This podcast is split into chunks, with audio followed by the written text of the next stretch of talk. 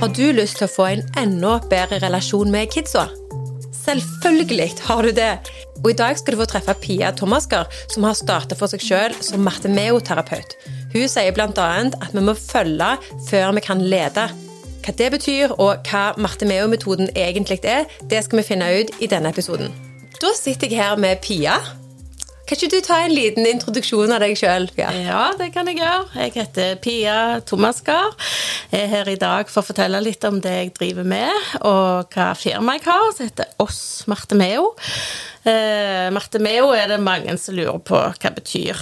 Når jeg jobbet på helsestasjonen, så var det noen som ringte og lurte på om de kunne få snakke med hun der Marte Meo. De trodde det var et, et navn. Eh, men det er en metode som handler om samspill og kommunikasjon Martemeo er et latinsk uttrykk som betyr av egen kraft. Så det ligger litt i ordet at en leter etter ressurser eh, og styrkene og ja, hva som fungerer bra da de, eh, i de situasjonene en veileder, og i de personene vi møter.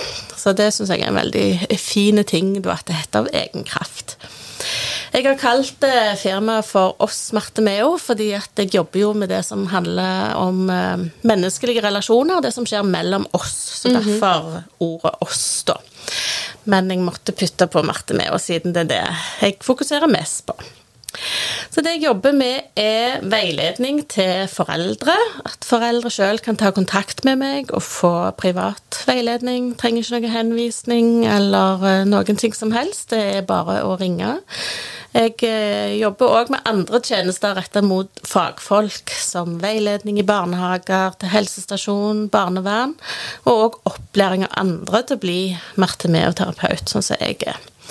Men, eh, men foreldreveiledning syns jeg er veldig kjekt å holde på med, veldig positivt å få kunne møte foreldre og hjelpe dem til å få et bedre forhold til, til ungene sine. For jeg tror vi alle en eller annen gang opplever at det skurrer litt. Eh, det kan være utfordringer så som er små eller store, men at det kan være godt å, å få litt hjelp, sånn at vi ikke henger fast i dem da og får en tidlig hjelp, så er det litt lettere å løse opp i det som eventuelt er vanskelig. Absolutt. Ja, ja så det er vel sånn kort fortalt det jeg driver med. Ja, Og så er det noe spesielt med den metoden òg, er det ikke det? Med noen videogreier? Stemmer det. Ja. Jeg bruker video som et verktøy fordi at eh, da er det mye lettere, syns jeg, å gi veiledning. Og det er en del av metoden òg, selvfølgelig fordi vi kan spole, vi kan stoppe opp og se hva er det som egentlig skjer.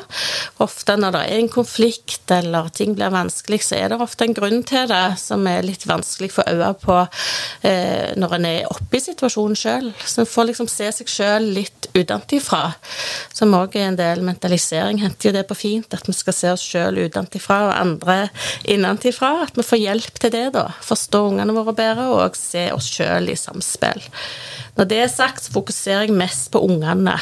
Og hva de viser, og hva de trenger. Jeg sitter ikke og sier 'du må ikke gjøre sånn', og 'se nå hva du gjør', eller Så lite fokus egentlig på, på den voksne, men selvfølgelig hva som skjer imellom den voksne og ungen, da.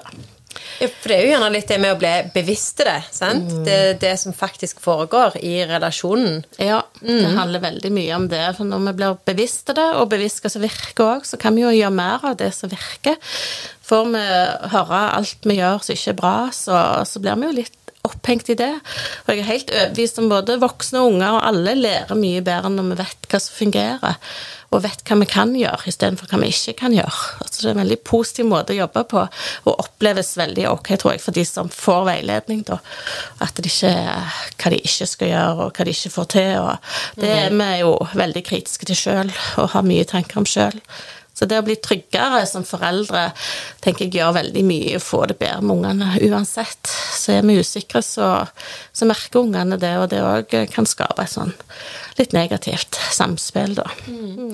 Jeg hadde jo aldri altså Nå skal jeg ikke si at jeg er bevandra innenfor veiledning til foreldre eller noen ting som helst, altså jeg skal bare skrive det helt rent.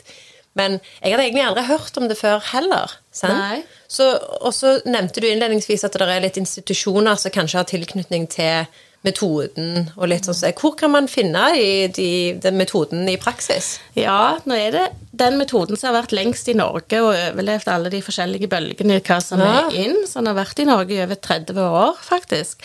Eh, når jeg jobbet tidligere i kommunen, da jobbet jeg på Familiens hus eh, her i Strand, der en kan få gratis foreldreveiledning. Så på helsestasjoner kan det være mulig å finne. Så er det en del som driver privat, eh, sånn som meg.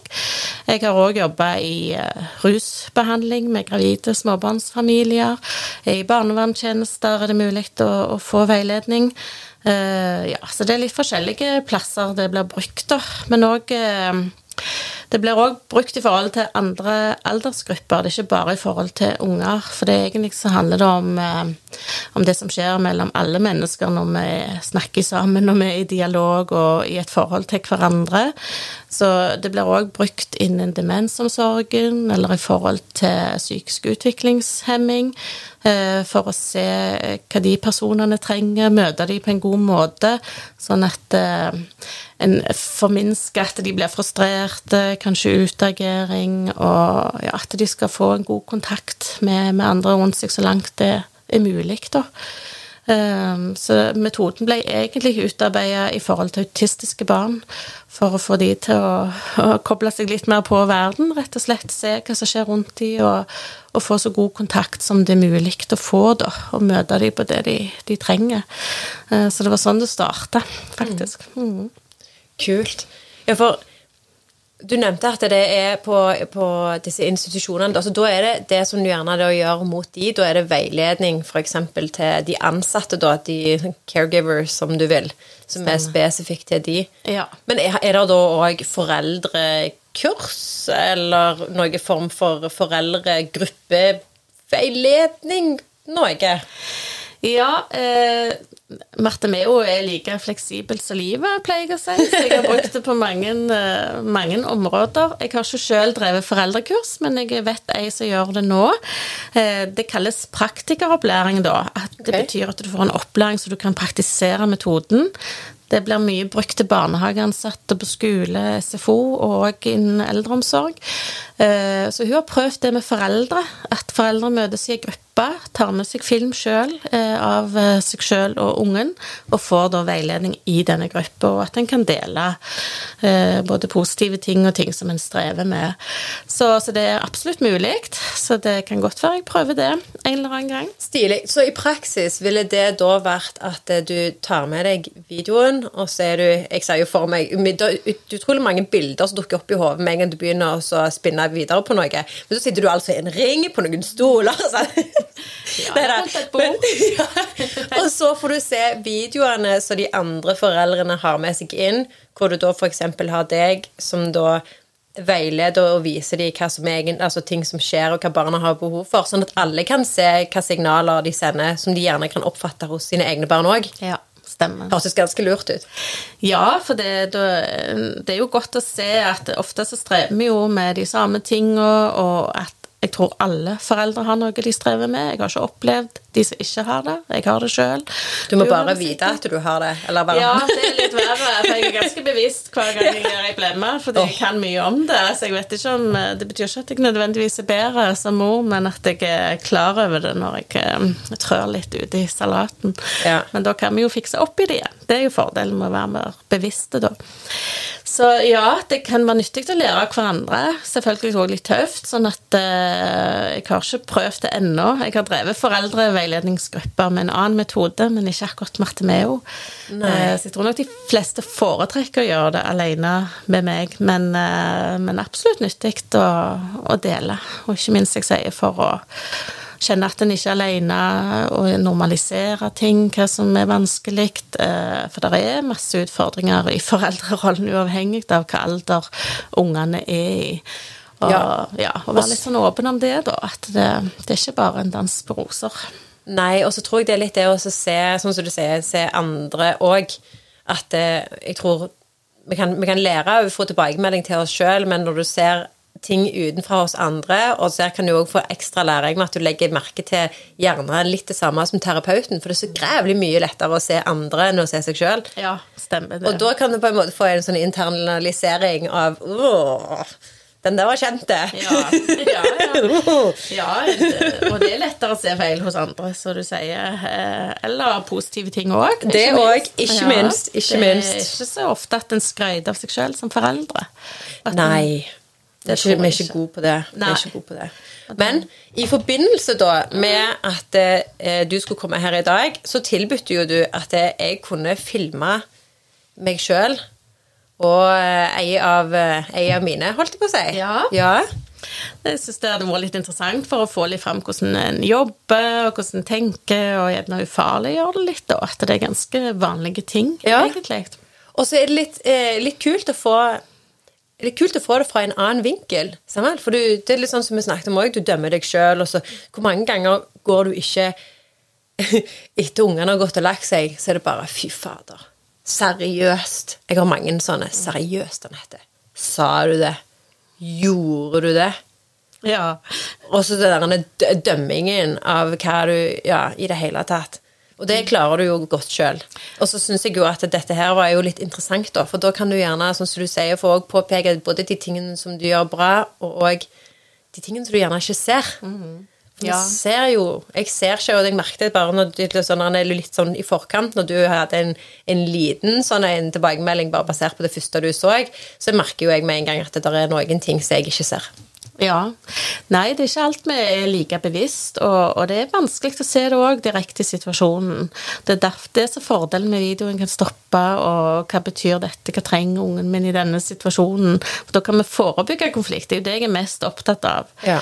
Flest foreldre vil jo ha hjelp til å sette grenser, eller hva gjør vi når ungen utagerer eller sint slamrer med døra? Det er det folk vil ha hjelp til, men da begynner jeg litt før å jobbe. Hva skal vi gjøre for å unngå at det skjer? For det er jo det aller viktigste. Ja. For det som gjerne skjer der, det er jo gjerne reaksjonen på det som skjedde før, da. Ja, og da, når vi er, da sier jeg at tankehjernen er jo skrudd av, sikkert både hos den voksne og ungen. Da nytter det ikke. Da må en bare roe ned situasjonen. Folk vil ha liksom verktøy. Hva kan en gjøre? Jeg sier bare ro ned, eh, så må en heller fikse opp etterpå, og helst forebygge til neste gang. Men en kan ikke gjøre så mye i de situasjonene. En kan ikke snakke fornuft eh, til ungen når han er kjempesint. Og vi vet jo det sjøl. guilty, altså. Ja. ja, ja, det er fort gjort, for vi, vi er jo ikke noe annet enn mennesker som følelser. Nå skal du høre. ja, ikke sant? Og kjefting, det tenker jeg mer og mer på. Jeg var, vet ikke om jeg skal si det på podkast, men jeg får si det til deg, så får du heller klippe det vekk. Men uh, vi hadde en eh, festlig eh, sammenkomst nå etter korona. Nå kan vi jo være litt flere, og flere var vaksinert, og det var jo veldig kjekt. Og vi hadde høy musikk og sang, og de tok litt av. Og så kom naboen, og vi fikk kjeft. Det er lenge siden jeg føler jeg har fått kjeft. Men den følelsen, det er sånn skamfølelse Nei. Jo, jeg kjente skikk jeg langskjemst over at vi hadde liksom ikke tenkt oss litt mer om da. Så jeg liksom Gikk du i den, ja? jeg gikk i den. Det er jo forskjellig hvordan en reagerer. Noen blir litt sånn eh, likegyldige, kan gjøre det igjen. Sant? Det er jo samme med unger. Kjører på, gjerne gjør det mer neste gang. Men jeg kjente ikke jeg langskjemte sånn forferdelig følelse å få kjeft. Så da tenkte jeg mer om enn jeg fikk kjenne på den følelsen sjøl, at det har jo så lite for seg å kjefte. Ja. Det gir jo bare negative følelser.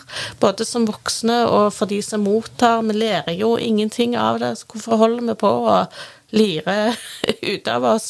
Og det kan du gjerne si. Men også Ja. er det liksom sånn hvor ofte, hvis du bare tenker som voksen eh, og du sa det gjerne, hvor ofte får du faktisk kjeft?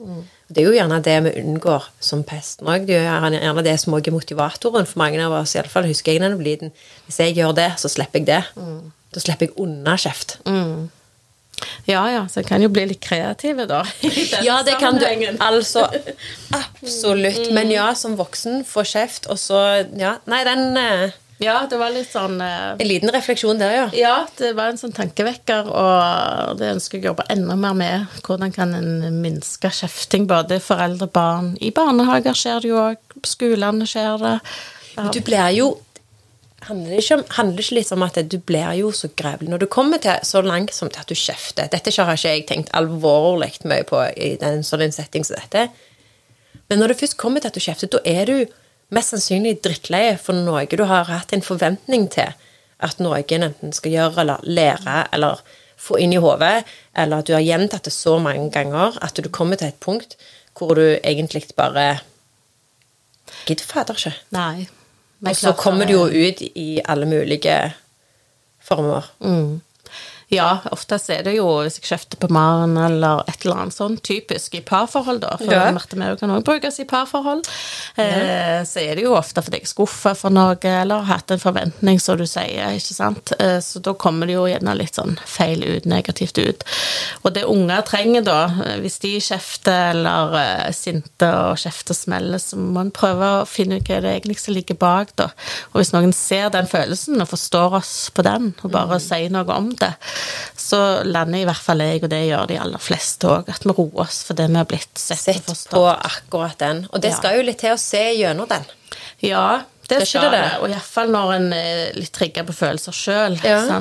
Og klart så nærmere forhold en har til personen, når det er foreldre-barn f.eks., eller i et parforhold, eller nær familie, så er det så tette forhold at følelsene blir ekstra trigga. Mm. Vi tar oss jo mer i sammen på jobb, til kollegaer eller i forhold til venner. Ja, du reagerer jo ikke på samme måte med Nei, og det handler jo òg om trygghet. At en plass skal vi jo få ut litt gruff òg, altså. Men eh, det betyr ikke at vi trenger å være ufine for det. Eh, Men hvis du ikke blir forstått da med de nærmeste, så er jo gjerne det noe av det vanskeligste. Enten med partner, eller hvis du ikke forstår ungene dine, eller ungene ikke forstår, føler, seg forstått av deg som foreldre, så er jo det kjempevanskelig.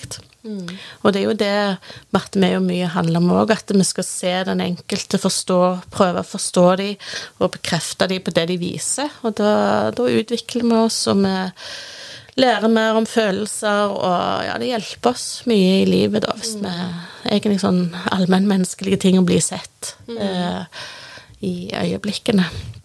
Men så tenkte jeg, før vi går inn på liksom den videoen og sånn, så tenkte jeg litt på Hvis jeg nå skulle prøve å se folk mer, eller se følelsen, eller se det som ligger bak i relasjonen, eller akkurat da i øyeblikket, er ikke det òg da en fare for at jeg tolker det til igjen, da? At jeg, prøve, jeg prøver så hardt jeg bare? Litt sånn at jeg prøver så hardt med å se hva som ligger bak, at jeg bruker jo mitt egen, min egen tolkning og min egen bagasje til å tro at jeg vet hva som er der. Så har du noen tips da til hvordan du da kan møte de der de er, uten å ja, legge, tillegge masse som kanskje ikke er der? Ja, eh, altså mindre ungen er, så har de jo mindre språk for følelsene sine. Så da trenger de at vi setter ord på følelsene for dem, og da må vi ikke stille så mye spørsmål rundt det, men heller si nå ser jeg at du er, er sinte. Mm.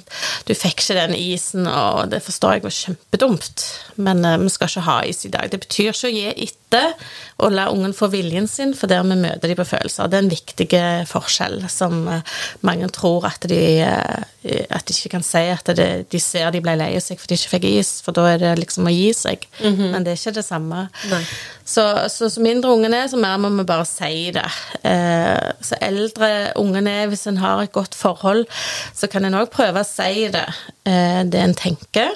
At det vi har tolka, da, for ja, vi tolker jo, eh, og basert på våre egne erfaringer og hva vi sjøl har med oss, og, og i situasjonen. Og det kan selvfølgelig være feil, eh, men da får vi veldig ofte høre det hvis det er feil, i hvert fall. sant? Men klart, når du kjenner de litt, prøver deg litt fram, og gjerne trekker seg litt tilbake, prøver å tenke hva handler det egentlig om, så, så er det sjelden feil, vil jeg si. Men klart, det vi jobber med i Martemeo når jeg ser film, så skal jeg se først hva er det som faktisk skjer. Jeg skal ikke tolke ja, hun ser veldig fornøyd ut her, hun er sikkert veldig tilfreds eller glad Ja, da tolker her. du, ja. Da tolker jeg jo litt. Men hva er det som faktisk skjer? Da ser vi på sånn aksjon-reaksjon. Når hun gjør det, så skjer det. Og da får hun den responsen, og så går vi inn og ser for å prøve å være mest mulig nøytral, nøytrale, da. Eh, og ikke tolke. Og da det bruker jeg òg når jeg veileder foreldre. Hva er det som faktisk skjer? Hva gjør ungen din her? Hva viser han i ansiktet? Hva viser han med kroppen?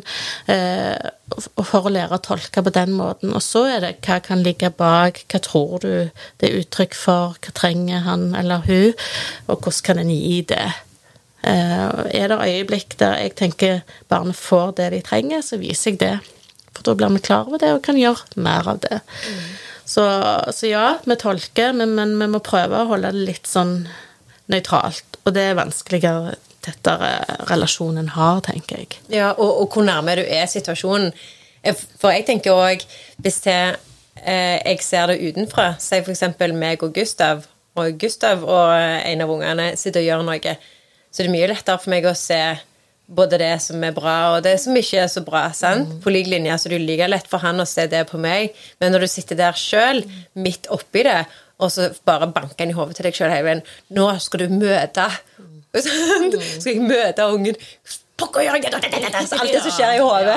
Jeg blir ikke forbanna! Ja. Det Det er ikke overtenke heller. Eh, mitt tips eh, Det som er det aller viktigste når noen skal se oss eller bekrefte oss, er jo at vi blir fulgt, som vi sier. Vi kan ikke lede noen eller sette grenser hvis vi ikke har et godt forhold eller blir fulgt først. Så det er bare faktisk se hva som skjer, sette ord på det. Bare være i øyeblikket, prøver jeg å råde folk til. Sant? Hva er det som skjer her og nå? Og ikke, for det er jo ofte det som skaper forstyrrelser og konflikter, er jo alt rundt. Sant? Der er skjermer, der er TV og mobiler, der er venner, eller at vi tenker på hva vi skal ha til middag, og hva vi skal gjøre etter vi har spist middag. Og jobben du dro med deg hjem. Stemmer, ja. Så alt det som forstyrrer det som egentlig skjer naturlig mellom oss, det må, hvis en klarer å være til stede i øyeblikket, så, så tror jeg mye er gjort med det. En trenger ikke bruke så mye tid på å tolke, og da er en i situasjonen, og. Men det er en kjempeutfordring. Men jeg kjenner når noen er der, på en måte. Når en liksom møtes, og noen virkelig ser deg og setter ord på det, så kan det kjennes godt. Men uh, i dagens samfunn så tror jeg det er altfor lite av det. Så det er litt min fanesak òg, å finne tilbake til det som skjer naturlig mellom Ja, oss. Mm. stemmer. stemmer. Og så, hvis du etterpå kunne ha sagt litt om hva, hvordan kan vi da liksom dette med å, å møte hverandre bedre, og hvordan kan vi bare prøve å forsterke ting, da? Eh, av det vi i alle fall da gjør bra, på generellen, hvis det går an. Hvordan kan jeg Når jeg da først er til stede, hvordan kan jeg sørge for at jeg er det maksimalt og enda bedre, kanskje? Hvordan kan jeg makse den ut? Ja. For litt sånn som du sa, at det er relasjonen som ligger i bånn, som er det viktige. Og da har du bedre forutsetning, hvis jeg har forstått deg rett, Ja, i de andre det. situasjonene. Så hvordan kan vi da liksom makse den ut, når vi først er der? Ja, og hvis en tenker sjøl, hva lærer var det vi hørte på? Det var jo en av den læreren vi likte, sant? som følte likte oss. Eh, sånn er det i mange situasjoner, og sånn er det for unger òg. De må jo føle at vi ser dem og liker dem, for at de skal gidde å høre etter eh, det vi sier, at det skal bety noe for dem. Så, så det er alt for meg i alle situasjoner. Til sjefen, til kollegaen eller til venner, eller hvem det skulle være. Eh, ja. Så vi kan ikke bli leda før vi blir fulgt. Det er sånn, det høres litt sånn rart ut. Hva betyr det å følge noen? Men det er jo å se hvor de er henne. Eh, sant? Skal du gi en beskjed til mannen og sitte og lese på iPaden, ikke aviser lenger, så nytter det jo ikke å gi en beskjed hvis du ikke har opprettet kontakt først. Nei. Det er jo dødfødt. Så, så både i de mikro, på en måte, øyeblikkene, men òg på en generell basis. Ja, det vil jeg si. Men det er jo i mikroøyeblikken det skjer. Det er Ja. der det er interessant, syns jeg, da. Eller Ja, og det beviste du litt med den filmen, så apropos den, Ja. så kan jeg ta en liten sånn en eh, bare en, en ekst, eks, ekstreme forenkla setting, iallfall, hvis det skal være interessant for noen. Det som egentlig skjer, det er det at jeg skulle egentlig tatt en video av et, av noen rundt bordet, men det viser seg å være en utfordring når noen sjelden er hjemme.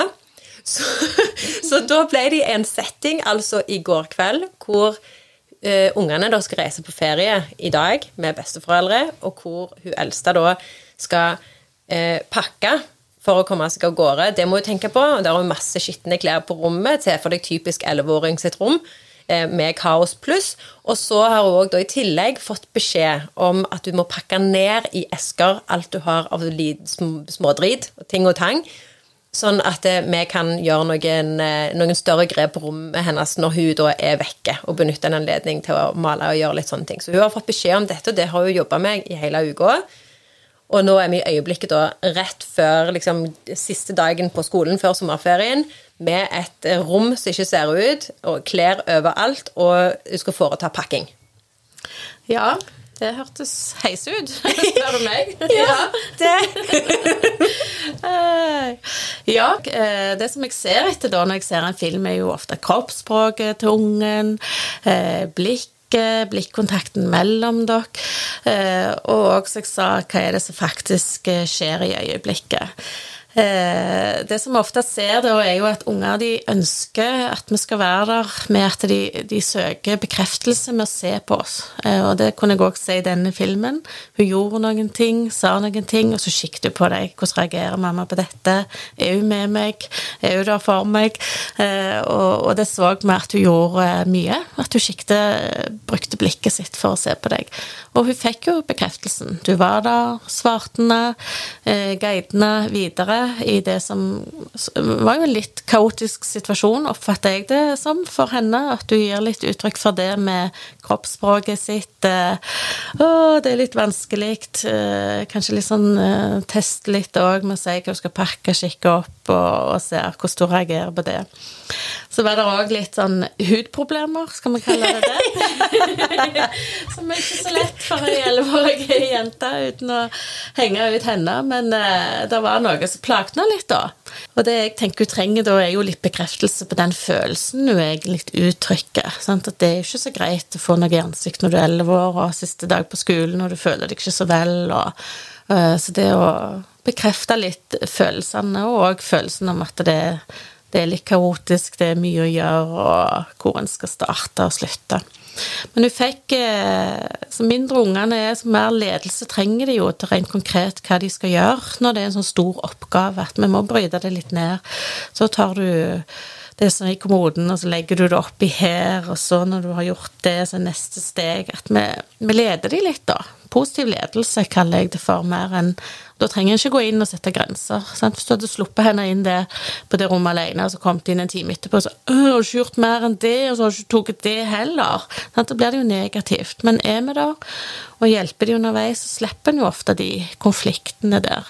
Og de trenger oss. Selv om de er elleve år, så trenger de den ledelsen og, og bryte det ned, da og, og bekrefte. Og det vet vi vel sjøl, hvis vi skal gjøre en oppgave som er litt kjedelig, litt lite motiverende, og skal stå i det alene, så er ikke det alltid så enkelt. Men hvis noen er med oss og backer litt opp og og det jeg òg la merke til som dere delte mye, var jo humor og positive følelser, latter, kunne tøyse litt òg oppi en sånn kaotisk situasjon, som er å forsterke de gode følelsene, og at det ikke blir en, en negativ setting, da, for der vi skal gjøre noe som er er litt sånn pyton, egentlig. Mhm. Hvem liker å pakke? Nei, altså, jeg stiller meg rett bak. Det jeg er fremdeles i kø når du kommer til pakkehattegjengen. Ja, ja, det er godt. Da er vi to. Det utsetter jeg som regel til oh. siste slutt. Ja. Kjekt å reise med en pyton og pakke. Mm. Ja. Ja, så det er litt det, eh, det jeg ser etter, er jo det som er bra. Hva trenger ungen mer av? Eh, så du sier litt for å forsterke det som er. Hvordan kan du gjøre mer av det? Så jeg håper jo du sitter igjen med positiviteten, gleden, humoren dere har. Det er jo kjempestyrke i et forhold. Eh, og at du trenger kanskje å bli møtt mer på følelser, og enda mer når en går inn mot tenåringsalder, så er det gjerne der hun trenger å bli møtt. At uh, frustrasjon og slemring med dører, eller uh, at vi de dummeste foreldrene i hele verden, handler jo ofte om andre ting, da. Så da må man liksom stå i det og, og tåle det. Mm. Ja, for det er, nok, det er nok det som Og det sa jeg til deg innledningsvis òg, det er at vi er litt forskjellige typer, og så skal vi ikke drive og lene oss på at vi er forskjellige typer.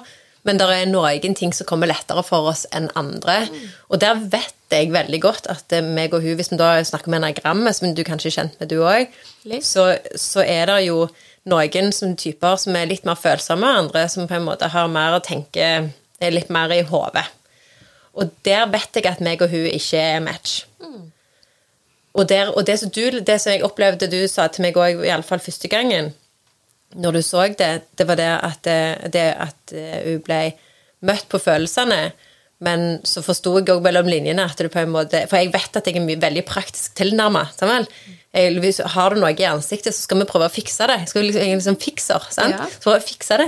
Men jeg vet at jeg ikke er like god på eh, anerkjennelsen av den følelsen som ligger bak, for jeg er i fiksemodus. Mm. Og der vet jeg at jeg har en svakhet.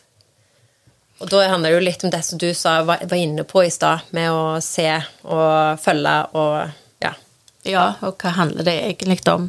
Men klart, de kan òg trenge praktisk hjelp til å fikse opp i det, så det er ikke noen motsetning. Eh, men klart, hvis, de, hvis det ikke hadde vært tilstrekkelig, de hadde spunnet videre på det, så er det jo ofte noe annet som ligger bak. Så det, en trenger jo begge deler. Eh, men, så, ja. så, det som du Der som jeg burde plukket opp som et signal da, på at jeg ikke skal gå an å si det så enkelt, ikke har gjort en solid nok jobb, da ja, det er ikke de ordene jeg ville brukt. Hva Kan du si noen ord som ville vært mer positive? At hun trenger noe annet av deg i situasjonen. At hun trenger noe annet av meg i situasjonen. At da, hvis, hvis, det, hadde, hvis man da fortsetter med det samme mønsteret, at det gjentar seg og ikke Man gir seg ikke, og at problem, altså problemet eller situasjonen eller følelsen vedvarer, da bør jeg ta det som en feedback til at hun trenger noe annet av meg. Ja, det vil jeg si. Mm. Ja kort og greit. Og så må man prøve å forske litt i det. Eh, det mindre ungene, det mindre spørsmål skal en stille. Sant? Er du lei deg, eller hvordan har du det nå? Det har de ikke muligheter til å klare å svare på ut ifra alder, men når de er elleve år, så kan de kanskje si noe om det. Eller så må en si det vi tenker er grunnen til at de har det sånn som de har det. Så får vi veldig fort beskjed hvis det er feil, i alle fall. Men ja. vi kjenner de litt og og tenker litt hva kan egentlig være grunnen til det, så, så klarer vi som regel å finne ut av det i mm. sammen, mm. da. Ja. Veldig bra. Men eh, takk for tilbakemelding. Ja, det var jo veldig kort. Men, ja. eh, men det høres jo ut som jeg eh, traff noe som du kunne kjenne igjen. Og det med personligheter, som du sier, det er jo superinteressant å se det i sammenheng. For klart, Er vi for, for like, så kan det være vanskelig. Er vi for forskjellige, så kan det være vanskelig. Så det bevissthet rundt det eh, er kjempeviktig for at en skal kunne gjøre en endring. Mm. Og, og, da vil jeg òg trekke fram bruken av video, for når vi faktisk har sett det, sett hva som fungerer, eller ser hva ungen viser, og hva han trenger, så vil det være lettere å bringe det med seg inn i hverdagen, for det blir såpass konkret og retta mot, mot handling, istedenfor at en bare skulle ha snakket om det. Mm. Så en kommer jo fort til kjernen med å se en liten snutt. ikke sant? Hvordan er dette barnet, hva trenger det? Ja, Mye raskere enn å sitte i timevis og snakke og snakke. Ja, ville det vært nyttig hvis man, hvis man opplevde Hvis man opplevde eksempel Men man vet jo det, lekser Det er jo det er et issue, som regel. Eller snakk for meg sjøl. Og, og, hvis det at du opplever at det er noe som er gjentagende eh, uromoment. Enten da at du hadde tatt en video sjøl og sett på det bare for å sitte utenfra. Hadde det vært nyttig, tror du? Eller blir det mer en sånn en Fader, nå hiver jeg meg ned i driten, og ja ja, eh, når jeg viser video og gir tilbakemelding på video, så styrer jeg ganske godt. Nå vil jeg at du skal se på mm. det. For hvis ikke, så ser vi på oss sjøl og på alt som vi ikke skulle ha gjort. Ja. Så jeg, jeg, leder det veldig inn for å få det fokuset som jeg ønsker. Eh, men eh, det er jo ikke umulig. Kanskje at en kunne ha fanga opp noe. Men jeg tror det kan være nyttig å vite litt hvordan en skal bruke film for å oppdage ting, da. Ja. Men eh, for alt i verden, det går an. Og lekser, det, er, det har jeg hjulpet mange med. Det er kjempekonflikter i mange hjem. Jeg har strevd med det sjøl. Sendt melding til lærer i dag, ble det ikke lekser. Og det jeg er opptatt av da, er jo mer forholdet mellom foreldre og barn enn at absolutt leksene skal bli gjort for enhver pris. Jeg er, jeg er, så glad for at du sier det, og så tenker jeg at det kan hende når du banner i kirka for mange, så gjerne det det men, men, det er jo som du sier, altså, jeg tror deg når du sier relasjonen er viktigere. Mm. Ja, ta med den. Hva har vi da? Hvordan skal vi klare å hjelpe dem da? Eh, så det å være på ungens side og si at dette gikk ikke i dag, du har ingen god dag i dag, kanskje du sjøl heller ikke har en god dag, at det ble full krasj. Eh, så hva lærer ungen da for å sitte og grine seg igjennom eh, en time med lekser og presse seg? De lærer jo ingenting av det. Annet enn at vi ikke ser hvordan de har det, og at eh, du er der ikke for meg når jeg trenger det, mm. egentlig. For det er jo det det er et uttrykk for, at det ikke er greit. Eh, protester er jo litt annet. Vi kan jo motivere og, og holde de oppe. Men òg når vi ser film, så ser vi jo ganske tydelig hva tid de gjerne begynner å gi signaler på at det blir for vanskelig, dette er for tøft for meg, og da gjerne ta en pause, prøve igjen på ny. Eller avslutte det, rett og slett. At en leder inn på det. Så det er ganske lett, eller lettere å se på film da, hva signaler ungen gir, sånn at vi ikke presser på for enhver pris. Det har sjelden noe godt for seg. Så ja, sikkert mange lærere som ikke er enig i det, men, eh, men jeg står for det, altså. Ja. Det gjør jeg. Mm. Støtter deg i den. Men hvordan, sånn på, da tilbake til den generelle, da. Hvordan kan vi, hvordan kan vi gange de, de gode tingene som du gjør? De gangene du faktisk opplever at For det er jo et øyeblikk i alle fall, Jeg opplever, opplever i hvert fall det. Det er øyeblikk hvor jeg har god kontakt. Og så det er øyeblikk så jeg vet hvor at jeg ikke er påkobla sjøl, og da har jeg heller ikke den kontakten. Men de gangene jeg både merker sjøl at jeg koser meg, jeg trives i settingen, og jeg oppnår den kontakten, hvordan kan jeg forsterke det? Ja, du forsterker det allerede, tenker jeg, med å være bevisst det. Og òg tenker jeg klappe seg litt på, skyld, på skulderen og være fornøyd med kanskje et sånn et øyeblikk til dagen med ungene sine. For vi klarer jo ikke å være på 24 timer i døgnet, verken vi som foreldre eller ungene. Så det er jo kanskje ikke være så harde med seg sjøl og tenke at ja, vi har jo tross alt eh, noen fine øyeblikk, og, og være, være glad for det, da. For eh, det er jo ofte de små øyeblikkene der som betyr noe. Eh, det kan være sekunder, det kan være minutter, men allikevel fylles med sånn god følelse at det kan, det kan fortsette hele dagen. Hvis en har en god morgen eller en liten god stund før leggetid. og så det er ikke alltid så mye som skal til. Eh, men bevissthet rundt det, så du sier, ja, vi har det jo faktisk godt. Å legge merke til de øyeblikkene tror jeg gjør at de vil forsterke seg. Og eh, ler mye sammen, eller kan bare eh, ha et blikk på hverandre fordi en forstår hva en mener, og ler litt av det. At en deler noe, at vi har det, det forholdet, tror jeg betyr veldig mye. Så, så å bli klar over det, og òg stolt over det en får til, trygg på det en får til, eh, gjør jeg at det vil, tenker jeg gjør at det vil bli mer av det. Istedenfor at vi fokuserer på alt vi ikke får til, og denne dagen var drit, og 'for en ny dag. Ja. Så litt sånn oppsummert eh, tenker jeg litt da Istedenfor nå Jeg brukte selvrefleksjon, sant? Istedenfor at jeg Og så håper jeg kan være nyttig for andre. Istedenfor at jeg går og tenker når jeg har hevet ungene i seng, sant? og da av og til så gjør du det gjerne litt fort og gale, for du bare Å, herregud, nå har jeg bare lyst til å gå og gjøre noe annet. Eh, Istedenfor da å fokusere på at å herregud, du kunne jo bare tatt deg tid, og du kunne jo bare hvorfor, hvorfor, kunne ikke du bare lese en gang til, eller hvorfor kunne du ikke ligge og kose i ti minutter ekstra? Åh, hvorfor er du så litt der? Så istedenfor å gå i den, så kan vi prøve å plukke opp og tenke på de gangene jeg hadde kontakt i dag. De gangene vi faktisk hadde det ganske greit sammen og lo litt og flirte litt, og ta med oss de videre. Ja. Og prøve å skape mer av de i morgen. Helt sant. Ja. Kjempe, kjempegod måte å tenke på. Det er det. Ja. Ja, Støtte den.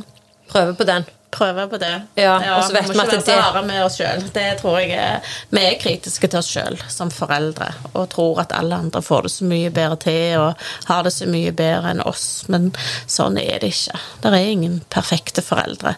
Men vi skal være gode nok og, og tenke på de gode øyeblikkene. Det er en episode som skal ut før din, og det er jo med ordføreren i Strand. Og jeg syns det var så kult å få hun i tale, fordi at det, hennes mindset rundt bare det å hoppe i det, og, og litt den der Hvis jeg er redd for det, da vet jeg jeg skal gjøre det. Altså, litt, altså skikkelig baller, altså. Sånn ordentlig. Og så syns jeg det var litt Han mangler sånn, litt sånn inspirerende tanker og ideer som du nesten må ha, tenker jeg, hvis du er på kan vi gjerne si sånn et nivå, men sånn et eh, eksponeringsnivå. Sant vel? For det, som politiker så står du jo ikke akkurat der og får masse klapp på skulderen for å gå arbeid godt utført. Du må ha litt ekstra, et ekstra sett med baller, tror jeg. Ja. Jeg innbiller meg i hvert fall det. ja, det tenker jeg. Og da syns jeg det er så beundringsverdig når du liksom hører liksom på, på i alle fall sånn som mindsettet som hun hadde, som egentlig bare var sånn Herregud. Ok, hvis jeg kan, kan jeg kjøpe litt av det, så kan jeg eh, Da kan jeg komme langt i verden, liksom. Ja, men jeg får litt, jeg òg. Ja. og da syns jeg det er litt ekstra interessant egentlig å få litt av ditt mindset bak det. For du det var jo en historie som leda fram til hvorfor du starta for deg sjøl. Så kan ikke du bare på en måte begynne litt fra begynnelsen der i forhold til hva som skjedde?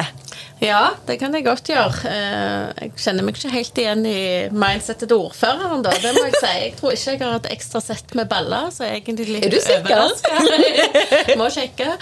Litt overraska at jeg egentlig eh, sitter her i dag og driver for meg sjøl. Men jeg har tenkt på det en stund. Fordi det er mest, aller mest fordi jeg brenner sånn for metoden. At eh, da får jeg anledning til å jobbe 100% med den. Det som jeg liker aller best å, å gjøre.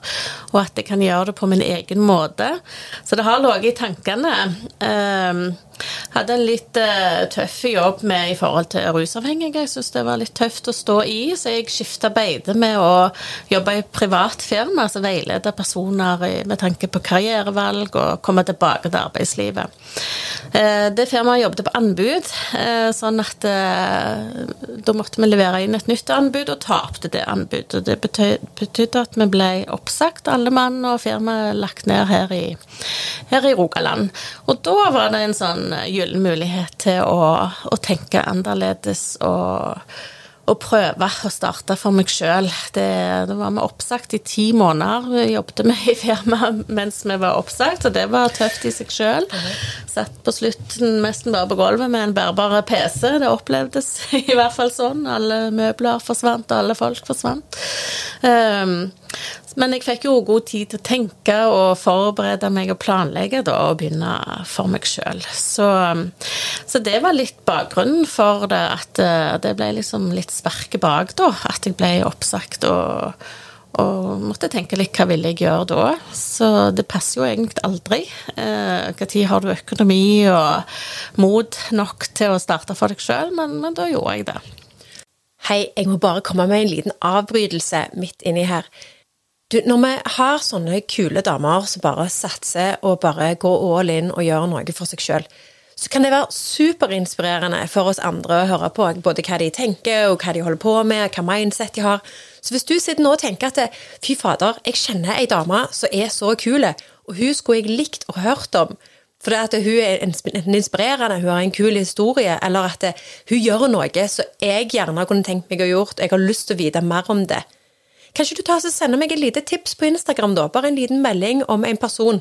Hvis du kommer på dem, sender du link til profilen deres til meg på Instagram, til Anette Idsoe, som du finner meg under brukernavnet. Og så kan jeg se om det er noe som er match for denne podkasten, og så kan jeg gjerne få den personen i tale. For jeg har lyst til å ha flere kule jenter på podkasten som er liksom enten inspirerende, har en annen livsstil og gjør sin egen greie satser, er modige eller jobber med noe som du kan synes er spennende og har lyst til å høre mer om. Så gi meg et tips. Jeg setter sinnssykt stor pris på det. Sånn, tilbake til der vi slapp. Men litt sånn i forhold til hva, hva, du faktisk tenkte, da. For du kunne jo fint ha bare tenkt at ok, greit, men da går jeg tilbake og gjør sånn og sånn, eller da søker jeg i en jobb eh, som jeg har eh, sikta meg ut en eller annen plass, eller mm. Så altså, det, det, var jo noe som gjorde et switch til at det, eh, jeg satser. Mm. Sant vel? Og det skjedde jo sånn, Du hadde jo hatt litt tanker om det tidligere, men hva var liksom det der det øyeblikket hvor du bare Nei. Ja, det var et godt spørsmål. Jeg, eh, jeg klarer ikke å erindre akkurat øyeblikket, men kanskje litt sånn eh, Det er jo en ny erfaring å bli oppsagt òg, ikke sant? Og jeg, eh, jeg har jeg er jo barnevernspedagog i utgangspunktet. Jeg kunne lett fått meg en jobb innen helse og omsorg. Eh, det kunne jeg lett ha gjort. Eh, så kanskje en liten sånn fanden at eh, nå skal jeg vise dem, ja. kanskje. Men òg jeg tror nok etter noen år i arbeidslivet at en blir enda mer bevisst hvordan en vil jobbe, på hvilken måte. Og at det gjerne begynner å bli litt mer kresen, vanskeligere å finne en arbeidsplass som, der du kan stå inne for, for, alt som blir gjort. Jeg har nok, eh, Du er opptatt av verdier, det vet jeg. Jeg har nok blitt mer og mer opptatt av det eh, med åra. Jeg har jo jobbet i veldig verdibaserte organisasjoner, Kirkens Bymisjon, som har tydelige, eh, tydelige verdier, og òg det AS3 som jeg jobbet i, som hadde veldig tydelige verdier. Så jeg har blitt mer og mer bevisst på det, og òg tenkt mer og mer på hva som er mine verdier, og hvordan jeg vil jobbe. Så det òg ligger nok litt bak. Men jeg kan ikke ta akkurat øyeblikk at der gjør jeg det, liksom. Nei. Nei. klarer ikke å innrømme et spesielt øyeblikk. Du nevnte eller- noe med fanden i volsk, da. Ja, kanskje litt det. At uh, får jeg gjøre det sjøl, da. Ja. Oppsagt. Det kan jo være, være noe sånn. Ikke veldig fandenivoldsk som person, tror jeg, men eh, det kan nok gå en liten i meg av og til. Jeg er Opptatt av rettferdighet, i hvert fall, og at eh, ja, urettferdighet kan trigge meg veldig. Så det er jo ikke urettferdig å bli oppsagt. Det kan jo skje alle, men eh, Ja, nei. Men det er jo en del energi, kan være en del energi i det. Ja, det kan det jo være. Eh, enten eller, tenker jeg. En kan jo eh, dette litt sammen av det òg. Så det var jo en ny mulighet, da. Sånn Ja. eh, floskel om at eh, når ei dør lukker seg, så åpner ei annen seg. Så det er jo litt sånn. Ja, for det er jo, litt, det er jo på en måte litt eh, reframing òg, da. Sånn vel? Altså det du tar en negativ ting til å gjøre den om til en mulighet for deg sjøl. Ja, så det, det har det jo absolutt blitt. Da. Men jeg er jo ennå i startfasen og prøver og feiler for å finne den, den rette veien. Absolutt. Så det er jo nytt og mye å lære. Men eh, jeg trenger ikke ennå. Nei, og så sa du eh, litt av dette med verdier og, og den biten der, og du har vært inne på det. Av det du har tenkt å satse på nå, både med Marte Meo og alt det der, hva er det, sy- hva er det anstrengelsen verdt, på en måte? Ja, jeg driver jo Veiledning er jo det å hjelpe folk. Det er nok en stor motivasjon for meg å hjelpe folk til å få det bedre. Ehm, Det gir jo veldig mening og glede å kunne gjøre det og se at det virker, og få til noe. Eh, Og der syns jeg metoden er kjempegod, for det er så konkret at vi får ofte til endringer òg. Og det trygge foreldre, og ja, det Jeg har jo jobbet med å hjelpe andre og endring og utvikling hele yrkeslivet, egentlig, men kanskje ikke alle metoder jeg har stått like mye innenfor, alle måter å gjøre det på, så nå kan jeg jo styre det sjøl. Så, så det jo, høres litt sånn naivt ut at det motiverer å hjelpe folk, men det driver meg å få til det, da. Få til endring. Og samme når jeg eh, har eh, opplæring av andre til å bli Marte-Meo-terapeuter. De går jo hos meg i ett og et halvt år, da. Og det er jo en prosess å finne seg sjøl i den nye rollen som Marte-Meo-terapeut. Og det å fylle den prosessen til de som går hos meg, og ulike fasene de er gjennom, men når de liksom kommer ut og får det til, da, det syns jeg er veldig motiverende. Så hva bakgrunnen for dette tror jeg mener jeg leste litt om òg, når jeg prøvde å gjøre litt eh, research på metoden. Men hva bakgrunn er det du må ha for, eh, for Marte-Meo-utdannelsen, eller? Ja, for å bli terapeut så må du ha en treårig bachelor innen helse og omsorg eller pedagogikk eller vernepleier. Så lærer, førskolelærer, sykepleier, barnevernpedagog, sosionom, eh, den type arbeids... eh, Eller fagfolk, da. Det må du ha for å bli terapeut. For å bli Marte-Meo-praktiker så er det for alle egentlig uavhengig av utdanning. Det er en litt kul historie. Ei annen som driver for seg sjøl, sånn som meg. Hun hadde ei dame på 80 år som gikk i praktikeropplæring fordi hun ville møte eh, vennene hennes som begynte å bli demente på en annen måte. Wow! Ja. Det er sykt. Ja, så det, ja, det er fantastisk, syns jeg. Eh, Så det er egentlig for alle, men, eh, men det er jo ikke så mange privatpersoner som tar det eller vet om det. Men, men det er mulig. Så hvis du da har noen enten eh, Si med ADHD eller en eller annen noen bokstaver, eller sånn som du sier, demente så da kan du Nå har jo ikke jeg denne treårige bakgrunnen som du snakket med, verken som sykepleier eller pedagog eller noen av de andre. Så da kunne jeg i teorien, hvis jeg ønskte å forbedre min kontakt med hvem som helst, egentlig, kunne jeg tatt praktiker. Ja, det kunne du faktisk gjort. Ja. Kanskje du bare sånn siden vi nå tilfeldigvis var inne på det, fortelle litt om det? For det er jo interessant. Ja, da er det en eh, Jeg skal i gang med noen praktikergrupper eh, nå til høsten, men det er i forhold til, til barnehageansatte, da. For da gjelder jo alle ansatte. Så jeg har ikke gått ut med, med praktikergruppetilbud til liksom Gud av hvermann, mann, for å si det sånn. Men ja, kanskje jeg burde det. Eh, Da er det 32 timers opplæring der en tar med seg film i samspill med den personen det gjelder, eller en ønsker veiledning i forhold til da. Og så veileder vi på det i grupper, sånn som jeg sa med hun som hadde foreldregrupper som praktiker. sant? Det var i tilknytning til en barnehage. Så fikk foreldregrupper i barnehagen eh, tilbud om å gå i en sånn praktikergruppe. Eh, Så det hadde absolutt gått an, det. Og så får en veiledning der og da. En får jo først teori, en times teori i hver samling, der en får opplæring i metoden. For det er jo for at en skal kunne praktisere metoden. Jeg kan ikke veilede andre igjen, men en kan praktisere det sjøl. Og det får en et sånn sertifikat på, da, at en er matemeo-praktiker etterpå. Så ja, kanskje det var en ny idé der. At det blir neste til høsten. Ja, men- Praktikergruppe for eh, de som vil.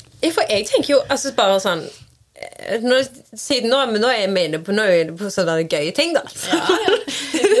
her, her koser jeg meg litt. Men eh, så i teorien, da, så kunne faktisk um, ei gruppe, enten det er i klassen eller foreningen eller whoever, vennegrupper med foreldre, kunne potensielt tatt kontakt med deg eller en martimeo-terapeut, for det de kaller det, sant? Eh, kunne tatt kontakt med en av dere for å bedt om den type praktikeropplæring. Ja. Sånn at vi faktisk kunne ha sett mer av de tingene og brukt de. Det er så fint med Marte Meo, for det er ikke sånn modulbasert eller fast program. Første gang gjør vi det, andre gang gjør vi det. Det er veldig fleksibelt. Sånn at en kan Jeg har til og med filma barn, altså søsken, som har hatt konflikt og gitt veiledning. Da er de jo enige i det sjøl og er kommet til en viss alder. Så, så det er egentlig få begrensninger, og det er, det er veldig kjekt å kunne ja, hive ut sånne ideer og prøve ut. Så alt mulig går an å prøve ut. Og det er også prøvd i parterapi, som jeg nevnte. Det er også fascinerende. Istedenfor at en går i familieterapi og sitter i to timer og snakker stygt om hverandre. Ja. Jeg sier, Det er jo ofte det det handler om, men en må jo få ut ting òg. Det er ikke det. Men da filmer en liksom et par som drikker kaffe sammen, og så gir en veiledning ut ifra det. Sant? Hva ser en da? Det er spennende. Superspennende. Så du trenger jo ikke i utgangspunktet da komme fra en plass av at eh, vi har det så drit. Vi må fikse det, eller et eller annet sånt. Du kan faktisk komme fra en plass av at eh, hvordan kan vi gjøre det enda bedre? Egentlig. Hvis du var ute etter det. Eller det andre. Alt ettersom. Ja, ja. Eh, En ofte trenger en begge deler, men igjen så handler det om det samme. Når det er konflikter i et parforhold, så er det jo ofte at en ikke ser hverandre, ikke forstår helt hva signalene betyr, og ikke møter hverandre på det. og da blir det vanskelig i en relasjon. Så det er helt, helt sånn basic ting. Første jeg ser når jeg ser en film, er blir barn eller voksen eller hvem det blir han fulgt? Blir han bekreftet? Blir det satt ord på? Hvis de tre tingene ikke er på plass, så kan vi ikke jobbe med verken ledelse, ingenting annet. Det må være på plass for at en skal få, få til en dialog. Sant? Ta tur, sånn som vi gjør nå når vi snakker sammen. Det må læres. Ikke alle som har lært det. De bryter av, unger bryter av midt i en samtale. Eh, og da blir får de jo mye negative tilbakemeldinger, og så baller det ofte på seg det som ikke er greit. Så, så det er sånn helt grunnleggende ting som må være på plass. Eh. Ja, Og der tror jeg du sier noe essensielt òg med å hvis, hvis du Det å gi feedback, da. Jeg bare kobla på, kjente jeg den der med, med avbrytelser. For det er det én ting i vår familie så bare som, som trigger meg litt, da. Så er det avbrytelser. Det er noe jeg kjenner at jeg er ikke enormt begeistra for, egentlig. Men da er det litt, det som du sier òg, men at da kan du, kunne du faktisk ha plukket det opp og vært litt gjerne med å kunne den metoden litt mer oppmerksomme da, på når man da ikke gjør det. Så nå, nå så jeg du hadde lyst, men du gjorde det ikke. Sant? At du på en måte kan catche de øyeblikkene. Nesten som hundetrening, det, faktisk. Det positive. Jeg har mye felles med nybakt Klikktrening, ja, ja, ja. Det er mange likhetstrekk med hundeoppdragelse og barneoppdragelse. Det er det. Det har jeg prøvd å sagt før, men ikke alle like enig i det. Jo, jeg er enig i det, men uh, mye så annerledes òg, spesielt dette med følelser. Men uh, det er det jo òg mange som mener at hunder leser og ser følelser det, hos eieren. Så ja, jeg syns det er mange likhetstrekk. det er stilig. Det er én ting jeg, Mange ting jeg lurer på, men det er én ting som jeg lurer på, og det tror jeg er litt sånn basert på de, de, den frykten man kanskje har. Frykten for hva eh, Hvordan vil de rundt meg oppfatte det når jeg faktisk For nå hoppet jeg fra rett til det ene til det andre. Hvordan de vil oppfatte det hvis jeg faktisk går ut og satser. Hvordan har, din, hvordan har feedbacken vært for, fra dine venner, familie eller de du omgås, i forhold til hva forventer du av de når du på en måte bare tenkte fuck it, drit i alle de andre, nå jeg kjører min egen vei. hvordan har, vært, hvordan har feedbacken vært i forhold til hva du forventer i utgangspunktet, og hva forventer du? Jeg tror ikke jeg hadde så store forventninger. Eh, Jeg hadde sikkert håp om støtte, selvfølgelig, og at folk ville like det. Og en ønsker jo det, at det skal bre om seg, men, men det vil jeg si har vært udelt positivt. Masse støtte fra folk som kanskje ikke hadde forventa det fra òg. Og jeg skjønner jo nå når de som driver for seg sjøl, går ut i sosiale medier og takker for at eh, folk har likt å dele, for det betyr faktisk eh, veldig mye for når han legger ut noe at det Ja, det gir noe, da. Um, kan være at eh, de som ikke syns noe om det, de hører jeg vel kanskje ikke ifra, men jeg har ikke, tenkt, jeg har ikke lagt merke til noe og ikke brukt så mye tid å tenke på det heller, egentlig. Jeg har ikke vært redd for å starte for meg sjøl, men jeg er ikke en person som tar mye plass og liker å stikke meg fram, egentlig. Så det å legge ut video eller bare bilder av seg sjøl har sittet langt inne. Men jeg ser jo det virker, og at folk eh, setter pris på at den er litt personlig da, så jeg prøver jo på det.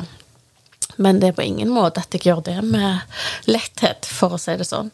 Men bare positivt. Masse liking, deling, heiarop. Og at det har blitt et lite sånn nettverk av andre som jeg snakker med, som òg driver for seg sjøl, der vi støtter og heier på hverandre. Og det setter jeg jo veldig pris på, og tenker er nødvendig òg når en jobber alene.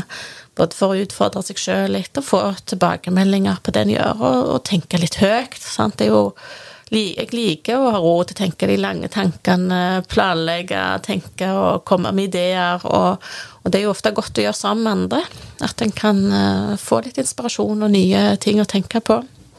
Så det har vært kjempepositivt. Jeg har ingenting negativt å si om det. For, for det er jo gjerne det man Noe av det som kan stoppe det, så vel, fra å faktisk gjøre det. Det er litt hva, hva, hva skjer utenfor meg sjøl. Jeg vet sjøl at jeg vil det, men hva som skjer utenfor. Mm. Og at det faktisk er en positiv opplevelse. Mm. Jeg tror jeg har, jeg har, lært veldig mye på det litt over et halvt år jeg har holdt på. Og, og du må utfordre deg sjøl. Bare det at jeg er med i denne podkasten. Jeg har hatt en livesending på Facebook, et webinar for jeg tenkte det er jo liksom ikke foredragsvirksomhet jeg skal basere det på. Det er jo mer små grupper der jeg liker meg bedre og kan få til ting. Eh, så en må utfordre seg, men det er veldig lærerikt og bare positivt. Og vi vokser jo på det. Og det sier jeg også, Hvis en skal be om veiledning eller ta en ny utdanning, så skal en kjenne det litt i magen, og det skal være litt sånn ubehagelig for at vi skal vokse. Og det er det jo mange som tenker video, bruk av video er, for eksempel. Og jeg har filma meg sjøl i årevis når jeg har tatt disse utdanningene, og du glemmer det jo litt ut. Jeg jeg sitter og himser på BH-en og alt det du sier, og jeg vet jo jeg er på film, men jeg gjør det fortsatt.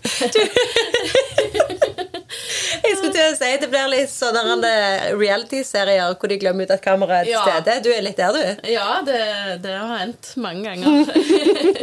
Ganske komfortabel, da, med andre ord? Nei, egentlig ikke, men uh forhåpentligvis i situasjonen, da, kan en tenke. Ja. Og når en er det, så, så glemmer en litt at det er et kamera. Og det skjer som regel. Og i hvert fall for unger er i hvert fall seg sjøl, mm. stort sett. Mm. Siste spørsmål, og det er litt mer For det vet jeg jeg spurte om deg første gang vi treftes. Og så er det jo fordi at jeg liker det litt stort. For jeg tror at det, det er vanskelig å henge seg på en liten plan om at jeg skal gjøre sånn og sånn. Du må liksom skape et litt større bilde. Mm lenger framme på hva du egentlig ønsker å oppnå, at og gjerne sette det litt utenfor deg sjøl, for at det faktisk skal få en betydning, at du faktisk skal gjøre noe med det. Mm. Så hva er en sånn en svulstig visjon du har, Pia? Ja, flere, kanskje. Oh, ja, men uh, jeg er jo veldig fan av Matemeo-metoden, og jeg tenker at det ville blitt et bedre samfunn med at den ble brukt mer. Så førsteplanen Jeg bor jo i Strand og jo ønsker å få det mer ut i hele kommunen. Eh, I alle instanser der det er aktuelt. Det er jo det første jeg jobber med. Kanskje alle ansatte i barnehagene blir praktikere. Kanskje mange på skolen etter hvert. Skolen er litt verre å komme inn på. Å, ser du det? Ja, Hva kan eh, vi foreldre gjøre for å hjelpe med det? Pia? Ja, må si at det er behov for eh, Jeg tenker det å ha kompetanse på relasjoner som lærer eller SFO-ansatt Men har de ikke det? Altså, nå, får, nå er jeg langt utdanningen, Lite i utdanningen, lærerutdanningen på det. Okay. Eh, tilbakemeldinger fra andre lærere. Ja. ja. Men klart, Så de jobber med klasseledelse. Ja, jeg tenker det. Eh, jeg vet det er egne samfunn. Eh, de begynner jo mer med sånn dementlandsbyer, og der blir ansatte i butikkene, frisørene, tannleger tar Marte med og utdanning. Sånn at alle kan møte I hele samfunn? I et- Hvor Er det sånn Danmark eller samfunnet. Det høres ut som Danmark ut. Ja, det er faktisk Ja, jeg mener det. Nå tar jeg ikke helt igjen i farten hvor det er. Danmark eller Danmark eller Tyskland. Ja, Norge rundt der. Ja. Men det fins sånn demenslandsbyer. Mm. Da kan de bevege seg litt fritt og bli møtt på en god måte, samme hvor de er. Så det er jo fantastisk. Men eh, ja, at flest mulig får den opplæringen, tankegangen, at, eh, at det ikke er en bøyg for foreldre å søke hjelp eh, hvis en har behov for det. Det er så mye lettere å ta tak i før det vokser seg stort. Det er jo et ønske, og det er blitt mye bedre òg. Og at vi åpner om det deler, at, at alle har sine utfordringer.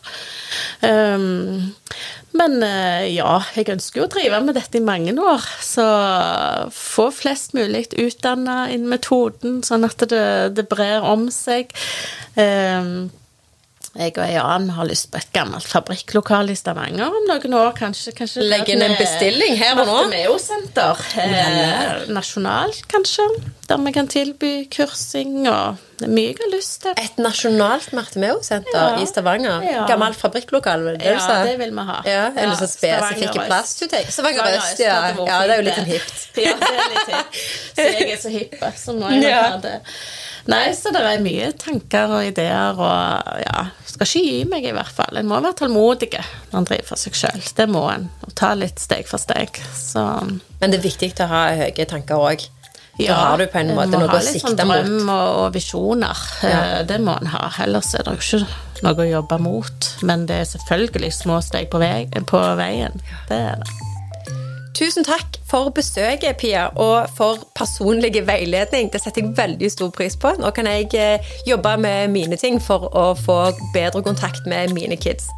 Og hvis du som hører på har lyst til å bli bedre kjent med Pia, eventuelt eh, få tatt kontakt med henne for å høre hva hun kan gjøre for deg, så finner du Pia på Instagram under oss Marte Meo. Og ellers så må du ha en fantastisk sommer, og så snakkes vi om ikke lenge.